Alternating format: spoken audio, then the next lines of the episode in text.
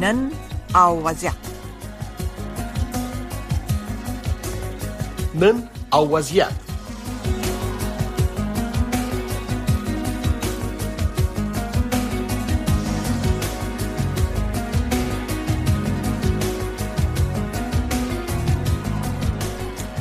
شنوندگان عزیز سلام. شب همه شما بخیر. حفیظ آصفی هستم و خوشحال هستم با تقدیم برنامه روایت امروز با شما هستم. در برنامه های روایت امروز چون که می‌دانین بیشتر با شاعران، نویسندگان، دستندرکاران سینما و تئاتر و به یک حرف با اهل هنر در تماس هستیم و کوشش می‌کنیم که از اونا دعوت کنیم تا در زمین های مختلف با هم گفتگو کنیم. مهمان محترم امشب ما بانو تانی آکفی نویسنده شاعر و فعال جامعه مدنی هستند که در برنامه های قبلی هم چانسی زیده داشتم که اونا را با خود داشته باشیم. پرویسر برنامه آقای ارچوال میگه که بانو آکفی را روی خط داره سلام بانو آکفی خوش آمدین. تشکر که دعوت مرا پذیرفتین. صدای مرا دارین؟ مرد شما صدا شما را دارم. امیدوار هستم که خوب باشین و یک سلام گرم صمیمانه به تمام شنوندههای نهایت عزیز برنامه دارم. تشکر. که ساعتی که با هم هستیم خوب بگذره انشالله حتما. شنونده های ما از طریق رادیو از طریق صفحات اجتماعی رادیو آشنا صدای امریکا صدای امریکا و همچنان از طریق ستلایت می‌تونن برنامه را دنبال بکنن. به خاطرتان هست بناکفی که در برنامه قبلی که چانس داشتم شما را با خود داشته باشیم. در رابطه با فعالیت های شما آمدن شما به آلمان فعالیت در عرصه مختلف گپ زدیم و گپ تا به اینجا رسید که در رابطه با شعرهای ریزومی و که ریزوم چی هست صحبت بکنیم. من خلاصه خدمت شنوندگان عرض می‌کنم که خب ریزوم ها در اصل ساقه های زیرزمینی هستند که به صورت افقی رشد می‌کنن نه عمودی و اغلب به صورت زیاد رشد دارن ریزوم ریشه های فرعی گیاست که در فاصله های میانی میان ریشه اصلی میرویند. سوال اینجاست بانو عاکفی که شما یکی از مبتکرین و از کسایی هستید که ابتکار کردین که ریزوم به شکل وارد شعر بکنین. در این مورد اگر نخست از ریزوم شروع بکنین و بعد برداشت خود از ریزوم با آوردنش به شعر. بفرمایید.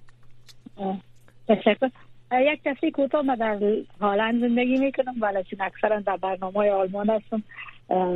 تصور می‌کنن عزیزان مثل شما که ما در آلمان زندگی می‌کنم تو ما شهروند هالند هالند یعنی بعضا هالند و بعضا خب آدم های هنرمند رقم شما کم وقت در یک جای ماندگار هستند همه همه, می‌خواین که شما را با خود داشته باشند صحبت ها بکنن دعوت میشن در جای آدم پرکاری هستین. اینا میفهم. اما خب من میفهم که شما اصلا شرمنده هالند هستین. اما که شما خودتون تشریح کردین ریزوم یک اندیشه ساک زمینی است. یعنی به سلسله مراتب اعتقاد نداره. و اگر خلاصه و کوتاه بگیم نقد است بر تمام اندیشه های سلسله مراتبی چی از در در مثلا اگر سیستم کپیتالیسمی کپیتالیستی در نظر بگیریم در جهان جهان اجتماعی و چی هم در اگر بیایم در ایتی هنر و ادبیات کلان روایت ها را زیاد علاقه نداره ولی بیشتر اندیشه است که به خورده حکایت ها و گفته هایی که تا حال نگفته شده و یا تابوهایی که در یک جامعه است به او بیشتر اعتقاد داره و تمنای من در یک به عنوان یک نویسنده و شاعر در اصل نوشتار اینمی است که ما از حرف های ممنوعه به زبان بیاریم. نقدایی را که در جامعه ما به عنوان سنت و یا یک فرهنگ آمیخته شده با اونا بتانیم نقدی داشته باشیم بله با عنوان دیگر گریز از یک نوع انعنگرایی و سنتگرایی کلاسیک است درست؟ گریز از همونطور یک سنت و انعنه که بیشتر البته نه, نه تمام سنت ها و انعنات زیبایی که در یک فرهنگ است بلکه بله. اونایی که مثلا زنجیر سلطنت بر پای متن یا شعر یا هر تولید ادبی دیگه میاندازن. بله. نقد برای اونا هست. و چرا ریزوم در در ادبیات و چرا ریزوم در شعر؟ همونطور که در گذشته در صحبت خود گفتیم یک پدیده فلسفی است که از بیوشناسی متافور است که گرفتن وارد فلسفه ساختند یعنی هم خود ریزوم که تمام گیاه های زمین ساقهی را برش میگن. و در وارد سینما و ادبیات و در ادبیات فارسی چرایی چرایی از اتفاق عزیز است که گاهی شاعر یا نویسنده دست پایش بند است به خاطر داشتن عروس. مثلا اگر در شعر کلاسیک فکر کنین داشتن بعض قواعدی که در یک یک سیستم تمامیت هنری رایج است یا سلطنت می‌کنم. و, و این باعث شد که بر من یک جرأت بده که من در, در زبان فارسی رای خود برم. بله. آیا پیش از شما گپ شما را قطع می‌کنم بانو واقفی مذرت می‌خوام. حالا در زبان فارسی ای شاعران ریزونگوی هم قبل از شما وجود داشتن یا همزمان با شما؟ ببینید در, در من چون خداگاه با عرصه پا گذاشتم. شما می‌تونین می‌تونین هم یک خانشی رو بگیرین از از تمام نویسنده هایی که در گذشته ناخداگاهی کار مثلا انجام دادن. کلاژی از دو تا فرم های مختلف. ولی کاری که ما انجام دادیم کار است که خداگاه گاهی مثلا وزن قطع کردیم. و یک متن آزاد گذاشتیم یک جمله خارجی رو در وسطش آوردیم بله. با معنا و با فرم هم کارهای را انجام دادیم بازی های زبانی را در عرصه ادبیات فارسی مطرح کردیم البته اینا در در گذشته حتما بوده ولی نه به این سیستمی که بله. پیش از پیش اندیشیده شده در موردش و وارد ادبیات شده باشه تشکر از شما. آیا خب امیر که گفتن پابندی از همه روز و قافیه و اوزان مختلف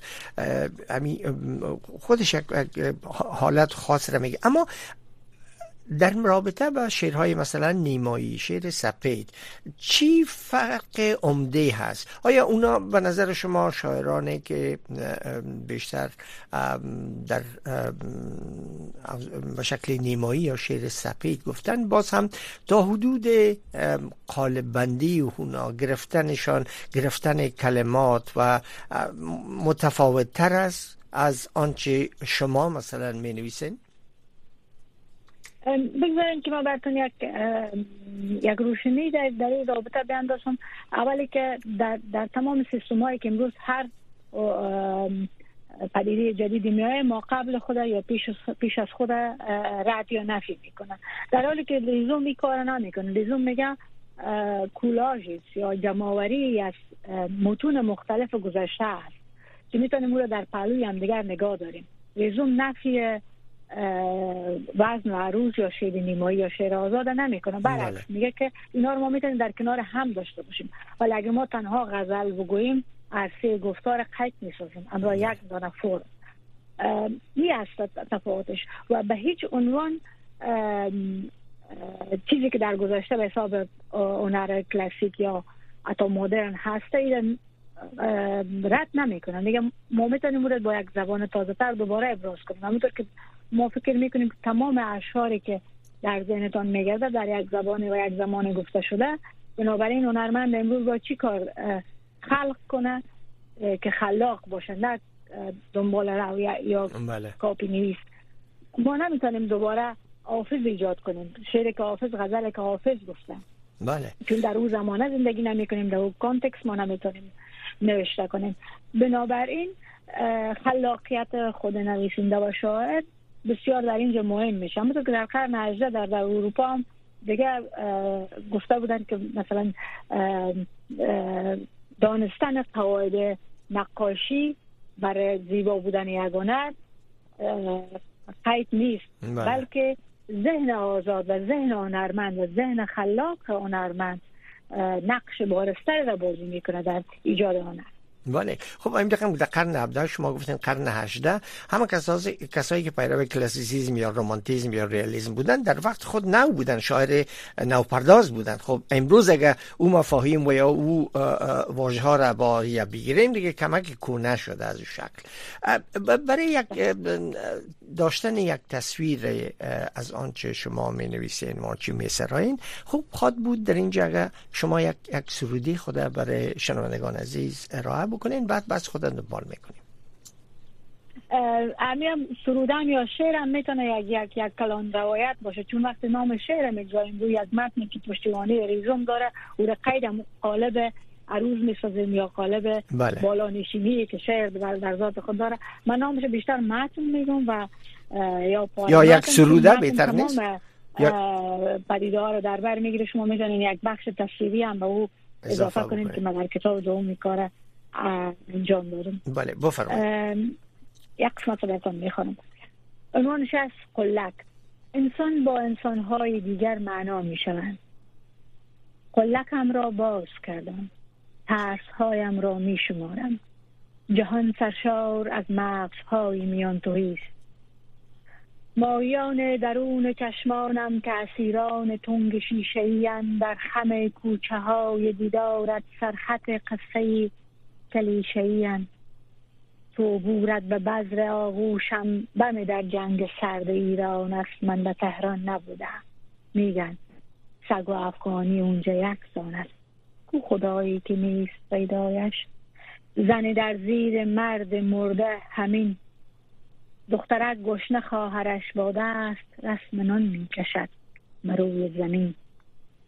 مادرم داخل کتابچه ها خاطر دفن برگشت می‌کرد.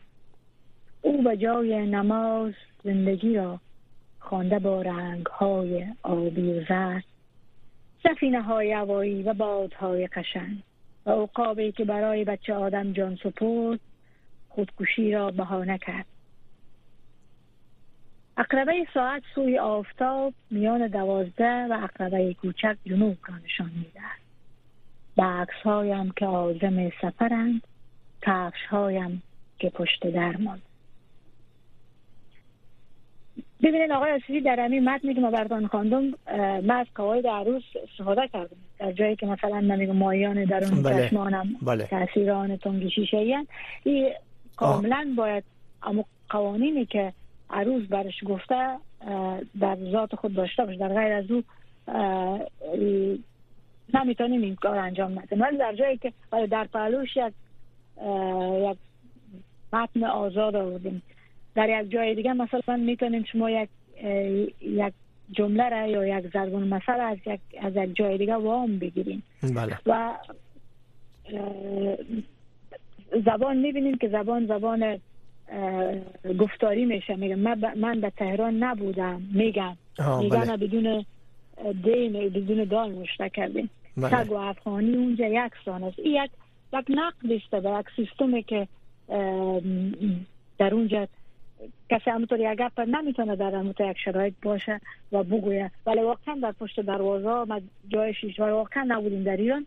ولی خواندم همونطور یک که در صفحه اجتماعی میره نویسنده نمی‌تونه درد جامعه را من فکر می‌کنم دوا کنه ولی نویسنده می‌تونه ایره تبارز بده. تبارز بده تبارز بده که ذهنیت های مردم در این صورت باز شود و نقد پذیر باشه.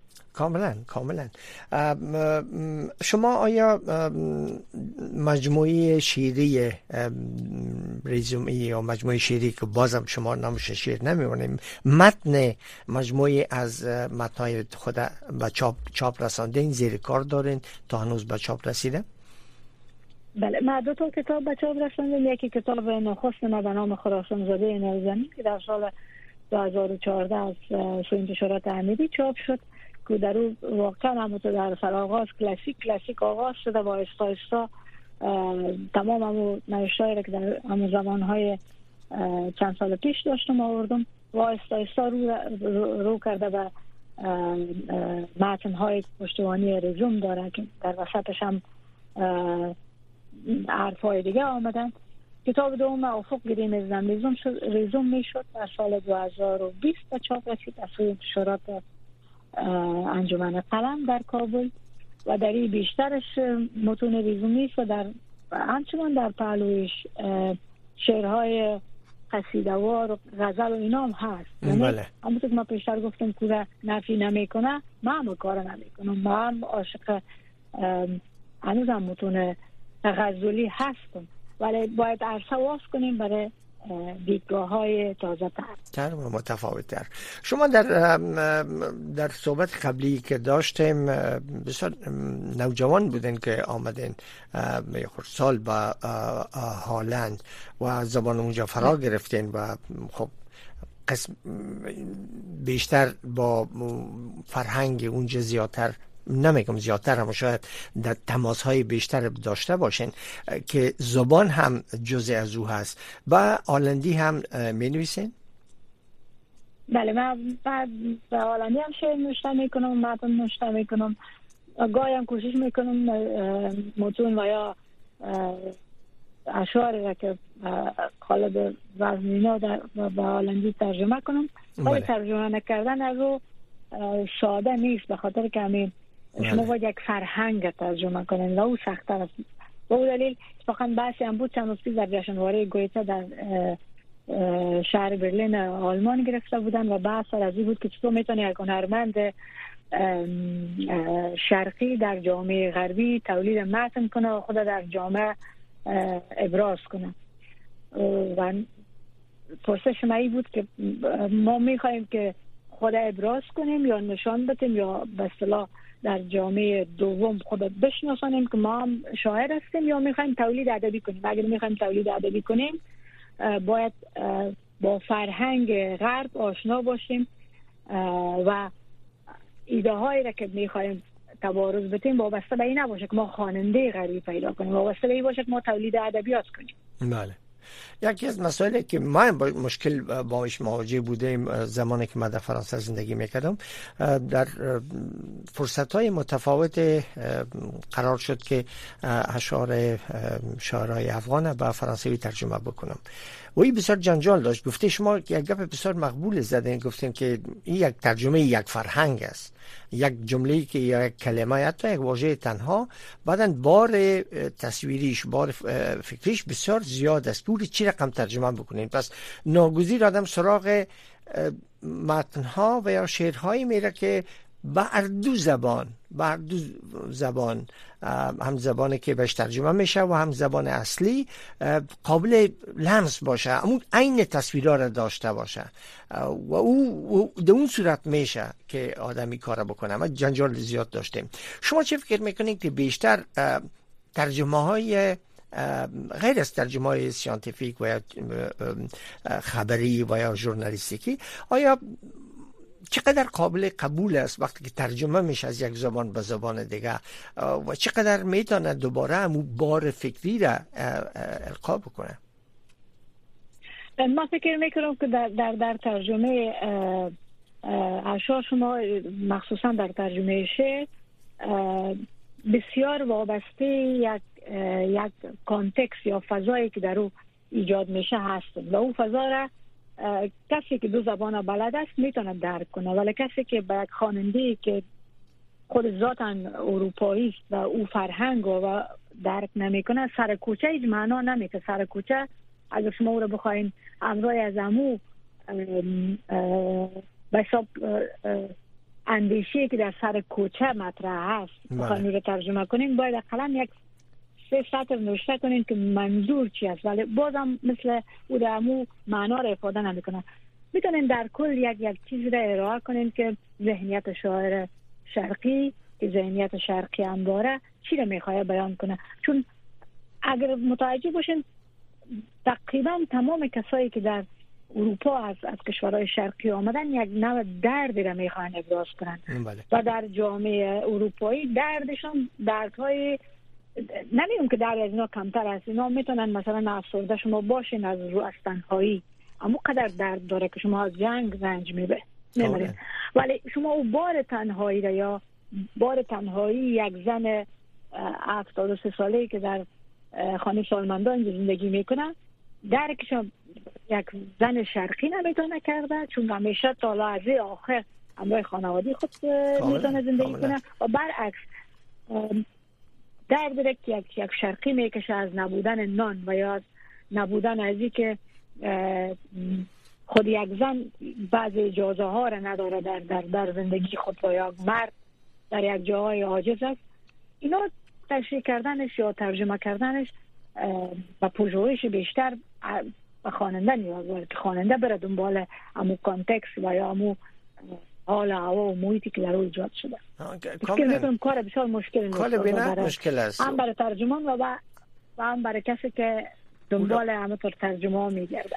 خب اگر برگردیم در مسائل افغانستان خب با در نظر داشت چل سال اخیر کافی در مورد افغانستان گفته شده. یعنی مردم تا حدود یک آگاهی دارن idea اما بازم بدور است. مثلا اگر بیشتر شعرهایی که سوریالیستی و یا انتظایی باشه کاملا قابل ترجمه است و گیرنده هم همون چیز می‌بینه مثلا یک شعری که من ترجمه کرده بودم از آقای رفت حسینی زن در داغی یک ظهر تابستان میان کوچه من آمد و فریاد زد باران.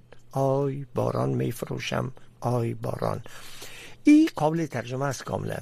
همین تصویری را که شما در میتان خواننده افغان داشته باشه این تصویر خواننده فرانسوی هم داره. متوجه هستین؟ بله. برزی که یک حالت غیر نرمال یک حالت غیر یک حالت سوریالیستی است است. و در غیر سو واقعا واقعا مشکل است.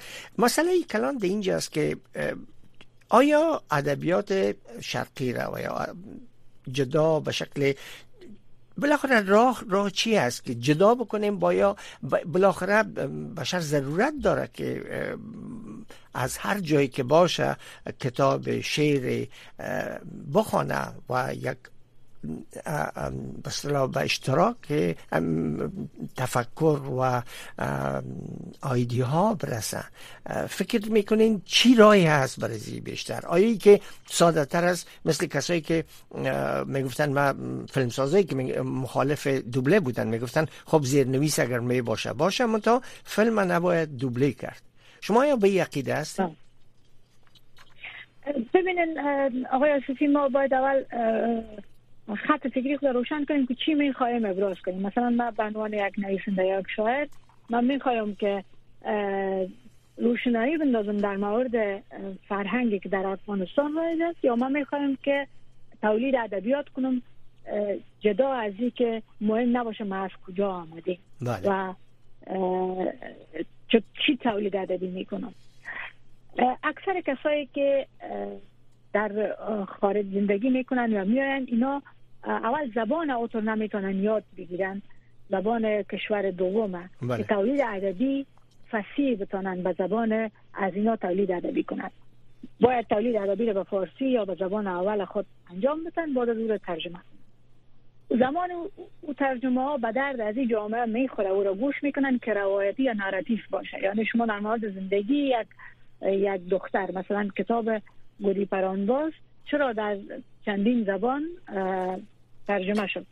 به خاطر از بود که اونا مردم غرب می‌خواین که یک آگاهی پیدا کنن که یک فرهنگ شرقی مانند کشور کشور افغانستان که تا هم سر زبان ها آمده بود چی گونه فرهنگ است؟ یعنی یک سیستم روایتی شما اگر به نوع یک روایت رو تشریح می‌کنین چند خواننده داره چون می‌خواین به آگاهی از او فرهنگ بپردازین. ولی اگر بخواین شما بازی های زبانی را مثلا آشنا زدایی را هنر انتظاری را و هزار و یک سوژه دیگر که مثلا خود ریزوم هم در ذات خود داره اینا را هم در زبان فارسی بیارین و او را بخواین ترجمه کنین این کار بسیار مشکل میشه با یک خواننده غربی. اینا رو ما باید نویسنده از روز اول با قول ایرانی تکلیف خود معلوم کنه که می‌خواد تولید ادبی بسازه یا تولید خواننده. شما بله. می‌خواین تولید خواننده کنین کاری که سیستم کپیتالیستی هم امرایتان می‌کنه. برتان میگه که یک انتشارات میگه ما بر من این چیز نوشته کو تمام چیز از زیر نظر ما بگذران ما برات پروژه می‌تونم این رقم نوشته کو. من فکر می‌کنم او تولید ادبی او قدر نیست. او چی بله. کار است که یک بودیجه میشه سر یک یک کتاب و یک بسیار آدمایی هستن که بسیار نامآور شدن چون سرشان بودیجه شده و بله. اونا رو یک یک روایت نوشته کردن از زندگی کسی و با این روایت نوشته کردن طبعا برای یک غربی خوشایند است که بخوانه به خاطر تجسسش ولی آیا اون کتاب از نگاه زبانی و از نگاه ادبیات و از نگاه از که چقدر در او خود ادبیات شرقی در او چقدر تجلی کرده. آیا هست همونطور یک کتاب من فکر می‌کنم که او وقت باز کم کم میآید. همونطور یک کتابی که بسیار جنبه روایتی داشته باشه.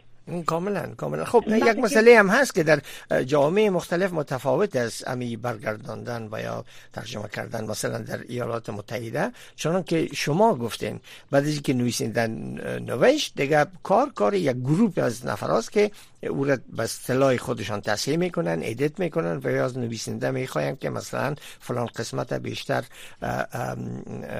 انکشاف بده و طولانی تر بسازن او دیگه کاملا من شما موافق هستم اما در اروپا تا جایی که من می‌فهمم و بودیم یک ذره فضا بازتر است برای خالق اثر. همی چانس میتن که چون که می‌خواه نوشته بکنه. آیا روایتی نوشته می‌کنه و آیا بیشتر تولید ادبیات است؟ درست.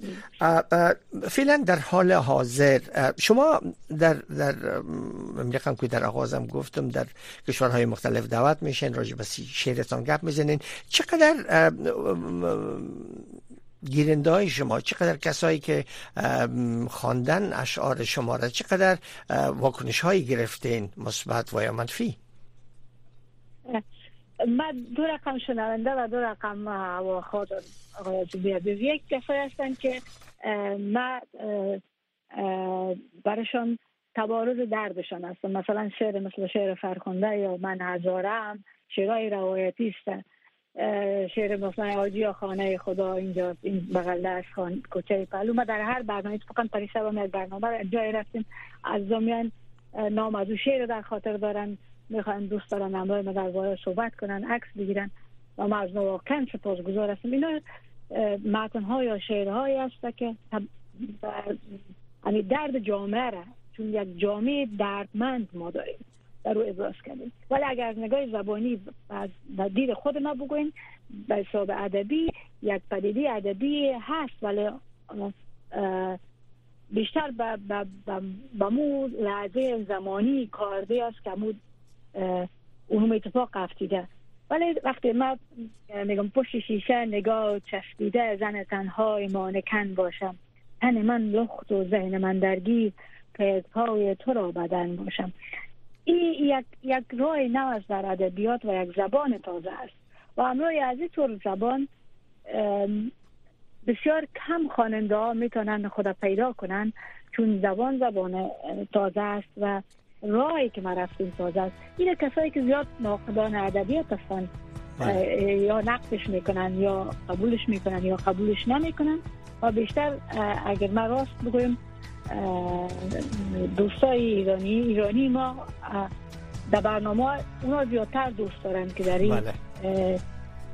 در این بحث ها داخل شوند و چرایی گونه متن ها را از ما پرسان کنم به تشکر باز وقت با ما یاری نکرد از ما تندتر رفت و لحظات آخر برنامه است. جان سپاس از شما بانو آکیفی عزیز که در برنامه با ما بودین. صحبت کردیم شعر شعرهای را خواندین و امیدوارستم در آینده هم فرصت باشد تا باز هم از شما خواهش کنم که در برنامه با ما باشین. تشکر جان سپاس و وقت خوشی بر شما آرزو دارم.